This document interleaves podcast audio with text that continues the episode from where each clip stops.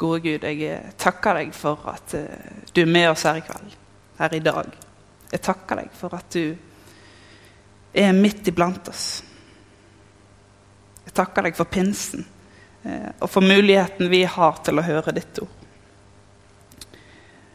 Jeg ber om at du må tale til oss her i dag. At du må bruke de ordene jeg sier. Og at det eh, som kommer fra meg, må herliggjøre ditt navn, Herre. Jeg ber om at du må velsigne denne stunden.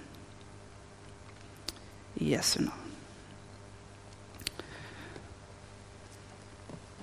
Eh, vi skal reise oss og lese dagens tekst. Eh, den er henta fra evangeliet etter Johannes, kapittel 20, vers 19-23. Johannes evangeliet 20, 19-23.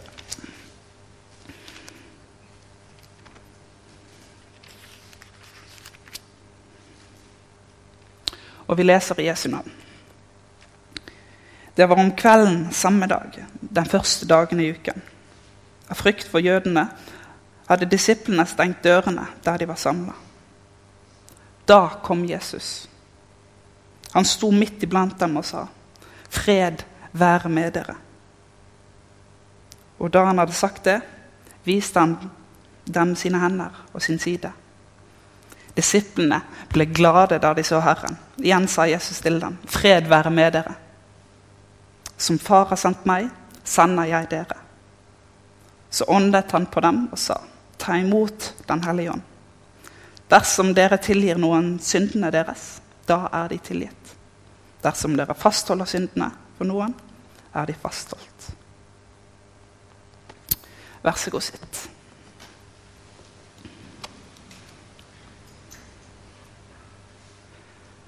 Fred være med dere. Salam aleikum. Shalom alachem. Det var helt vanlig å hilse hverandre eh, med fred da, og det er det fortsatt mange steder. Men når Jesus her hilser disiplene med fred, så er det ikke et ønske om at hans fred skal bli deres, men han legger sin fred inn i hjertene på dem.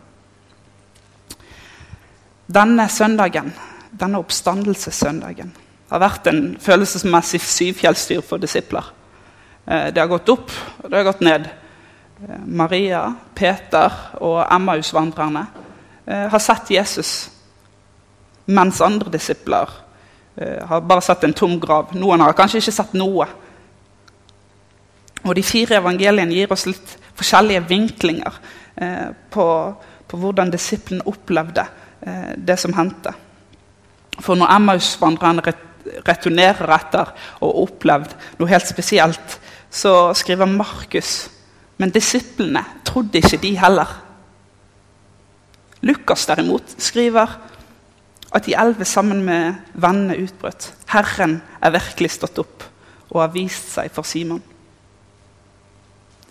Og det er da vi møter Jesus.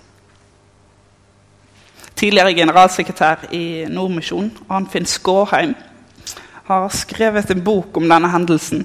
Eh, da kom Jesus etter dem, og tar utgangspunkt i, Jesu møte med disipler. Eh, og, her, ja, og en av disse møtene er da denne hendelsen. Og Arnfinn han, han maler så flott eh, denne scenen. Disiplene har låst seg inne. Veien bakover den er stengt. Veien forover er stengt. Han som disse tolv her var det bare ti, da. Men disse tolv hadde, hadde, forlatt alt. De hadde fulgt han. Eh, han var nå død. Han som de hadde gått med så lenge. Han som de trodde var Messias. Han var død. Alt håp var ute. Poenget til Skåheim er at der Jesus kommer, der skjer det ting. Alt håp var ute. Men da kom Jesus. De har samlet seg her i frykt og stengt dørene. Samværet er prega av en brytning mellom tvil og tro. Død og oppstandelse. Sorg, glede og frykt. så står Jesus der, midt iblant dem. Og han sier, 'Fred være med dere'. Shalom, Alachem. Eh, ordet for fred som her er brukt, er på gresk 'eirene'. Og er som oftest oversatt til norsk med, med nettopp fred. Men det kan også bety hvile eller ro. Og Det er akkurat det ordet som blir brukt når eh, den himmelske engleskaren eh, synger for hyrdene. Ære være Gud i det høyeste, og fred på jorden blant mennesker som Gud har glede i. Uttrykket 'fred være med dere' er som sagt en helt vanlig hilsen. Og jeg vet at man i dag i Israel bruker shalom, sånn som vi bruker hei og god dag. På swahili kan det også være naturlig å hilse hverandre med fred. Salama. Eh, men når Jesus lyser fred over deg, så er det ikke et ønske om at hans fred skal bli deres, men det er noe mer enn et ønske. Albert Einstein har sagt det at fred kan ikke bevares med makt. Det kan bare oppnås ved forståelse. Fred kan ikke bevares med makt. Det kan bare oppnås ved forståelse. Og det er nettopp det Jesus gjør. Han legger freden inn i deres hjerter. Hans fred skulle jage bort tvil, frykt. Og For å vise at det virkelig var ham, så, så viser han hendene og sin side. Han synliggjør bevisene for korsfestelsen. Og da forsto de at det virkelig var ham.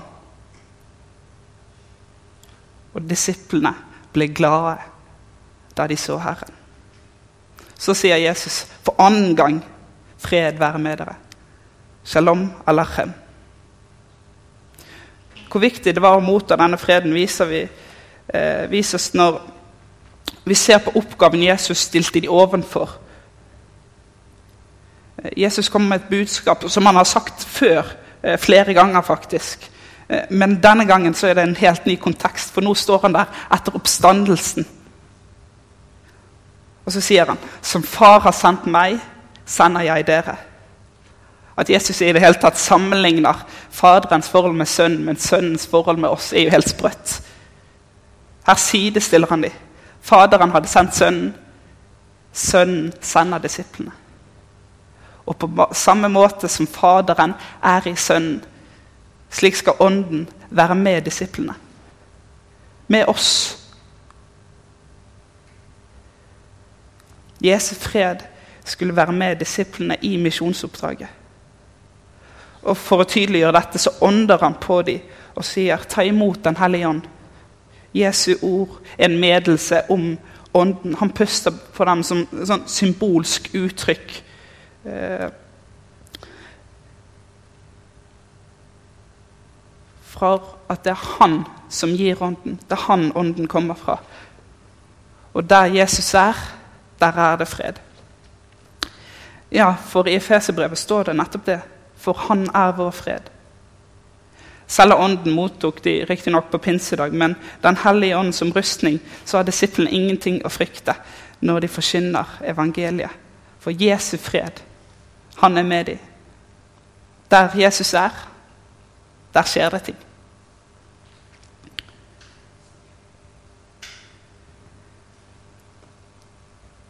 I en landsby så bodde det en gang eh, to skurker. Eh, de var brødre og vanvittig dyktige til å lure, bedra og stjele fra folk. Eh, det var ingen stor hemmelighet at disse var sterkt mislikt blant landsbyens innbyggere. Eh, og det fantes knapt et menneske der i landsbyen som ikke følte seg bedratt eh, av disse brødrene. En dag så døde den ene broren. Eh, og han gjenlevde. Han ønsket en verdig begravelse eh, for broren sin. Så han kontakta presten i, eh, landsbyen, og så, og, så, sa hva han ønsket. da. Skep, skeptisk var jo presten, da, naturlig nok, når han møtte broren. Men, men når den ene skurken tilbød en mengde med penger for at han skulle gjennomføre denne begravelsen, så så tenkte presten at eh, ja, det, det får heller gå. Eh, det eneste kravet broren hadde, det var at, eh, at i løpet av seremonien så skulle presten eh, sammenligne den avdøde broren med en helgen. Ja, det, det får heller gå, tenkte presten og så på pengene. altså det, det, det får gå denne gangen. Så når begravelsen kom, så møtte eh, var hele landsbyen der da, eh, for å forsikre seg om at eh, denne broren eh, virkelig var død. Da. de måtte være sikre. Og så når seremonien begynte å nærme seg slutten, eh, så sa presten da Vi kjenner alle karakteren til denne personen som ligger her der. Hele livet sitt har han, han løyet, svindlet og bedratt eh, oss folk her i landsbyen. Men sammenlignet med hans bror så var han en helgen.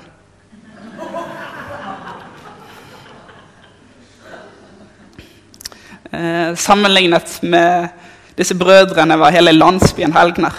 Eh, vårt problem er at vi ikke kan sammenligne oss eh, med noen av disse brødrene. Overfor Gud kan vi kun sammenligne oss med det perfekte. Og der rekker ingen av oss halvveis engang. For alle har syndet og mangler Guds herlighet. Her er det ingen forskjell. Eh, det finnes ikke én som er rettferdig. Eh, ikke en eneste. Ikke landsbybeboerne, ikke meg, ikke dere, ikke Peter, ikke Maria, ikke noen av disiplene. Det finnes ikke én som forstår. For alle er under synden. Ikke én som søker Gud. Alle er kommet på avveier. Men, men sammenlignet med, med, Bergen ellers så er vi jo vi blant topp ti eh, Iallfall øvre halvdel. Sant? Jeg eh, leser Dagen, jeg eh, går på søndagsmøte, jeg klipper ikke gresset på søndagen. Eh, ja, jeg, jeg, jeg, jeg er eh, iallfall oppi der. Nei. Bibelen forteller oss at det ikke er én som gjør det gode. Ikke en eneste. I Salme 14 står det fra himmelen ser Herren ned til menneskene for å se om det finnes en som er vis, noen som søker Gud. Alle har vendt seg bort. Alle som en er fordervet. Det finnes ikke én som gjør det gode. Ikke en eneste. Alle har syndet og mangler Guds herlighet. Men ufortjent, av Hans nåde, blir vi kjent rettferdige frikjøpt i Kristus Jesus. Hva har vi da å være stolte av? Ingenting. Hvilken lov sier det? Gjerningenes lov? Nei. Troens lov. Hva skal vi da gjøre? Ingenting. Det er allerede fullbrakt. Martin Luther han reagerte på noen som begynte å forkynne en slags billig nåde. Eh, Gud hadde gjort mesteparten av arbeidet. Du må bare gjøre en liten del. Eh, Jesus har hjulpet deg på veien og gjort 99% av alt som skal gjøres. Du må gjøre bare den lille ene delen og tro på det han har gjort. Gud har lagt et femretters måltid. Du må bare dekke på bordet. Nei, nåde er ikke billig. Nåde er gratis. For av nåde er dere frelst ved tro. Det er ikke deres eget verk, men Guds gave. Skriften sier at til og med troen vår er en gave fra Gud. Det er fullbrakt. Han er oppstanden. Vi får komme til ferdig dekka bord. Jesus har båret oss fra start til mållinjen. Vi skal gjøre ingenting. Dagens tekst avsluttes med noe som kan eh, være vanskelig å forstå.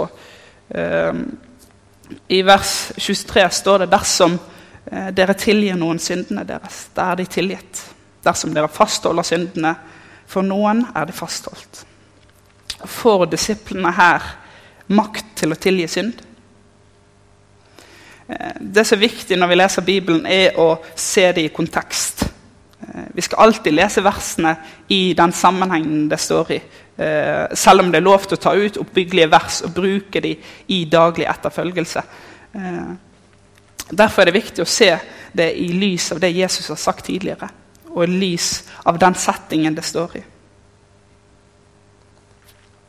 Og hva er det Jesus har sagt? Jesus sender de ut med Den hellige ånd til å forkynne evangeliet. Hva er så evangeliet? Jo, det er jo budskapet om syndenes forlatelse. Budskapet om at Jesus har dødd og stått opp. Budskapet om at det er fullbrakt. Bare Gud kan tilgi synd. Og Disiplene får her befaling om å gå ut og forkynne syndenes forlatelse. Eh, dersom de ikke går ut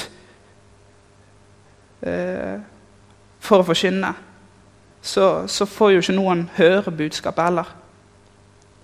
Dersom de går ut med evangeliet, så får folk høre det. Derfor fikk disiplene makt. Enten til å forkynne syndenes forlatelse eller å la være å spre evangeliet. Det er bare Gud som tilgir vår synd. Men misjonsoppdraget var gitt til disiplene. Det er gitt til oss i dag.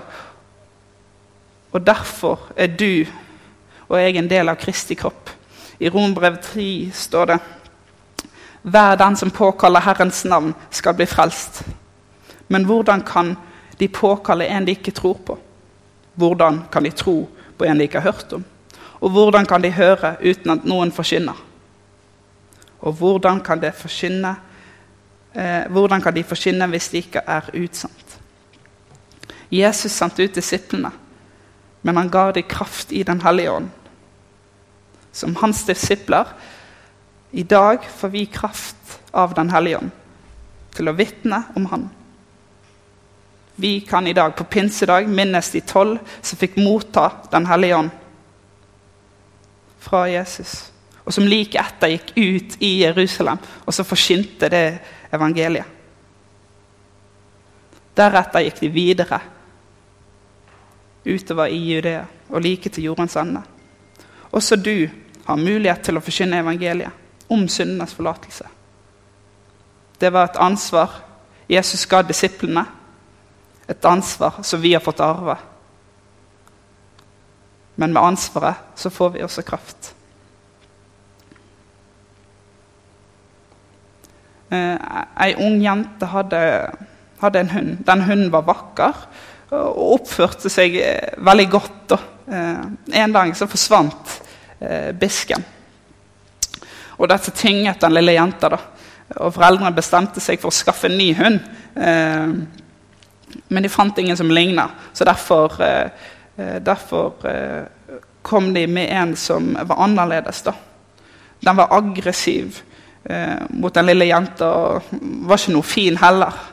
Eh, men hun bestemte seg for å elske den hunden, og det gjorde hun. Hver dag behandla hun hunden som en prinsesse. Ikke på en sånn bortskjemmende måte, men på en, på en kjærlig måte. Uh, og Den stygge hunden den ble jo ikke noe finere av dette, da. men den opplevde en ubetinget kjærlighet uh, fra eieren. Noe som til slutt førte til at den returnerte kjærligheten eh, iblant.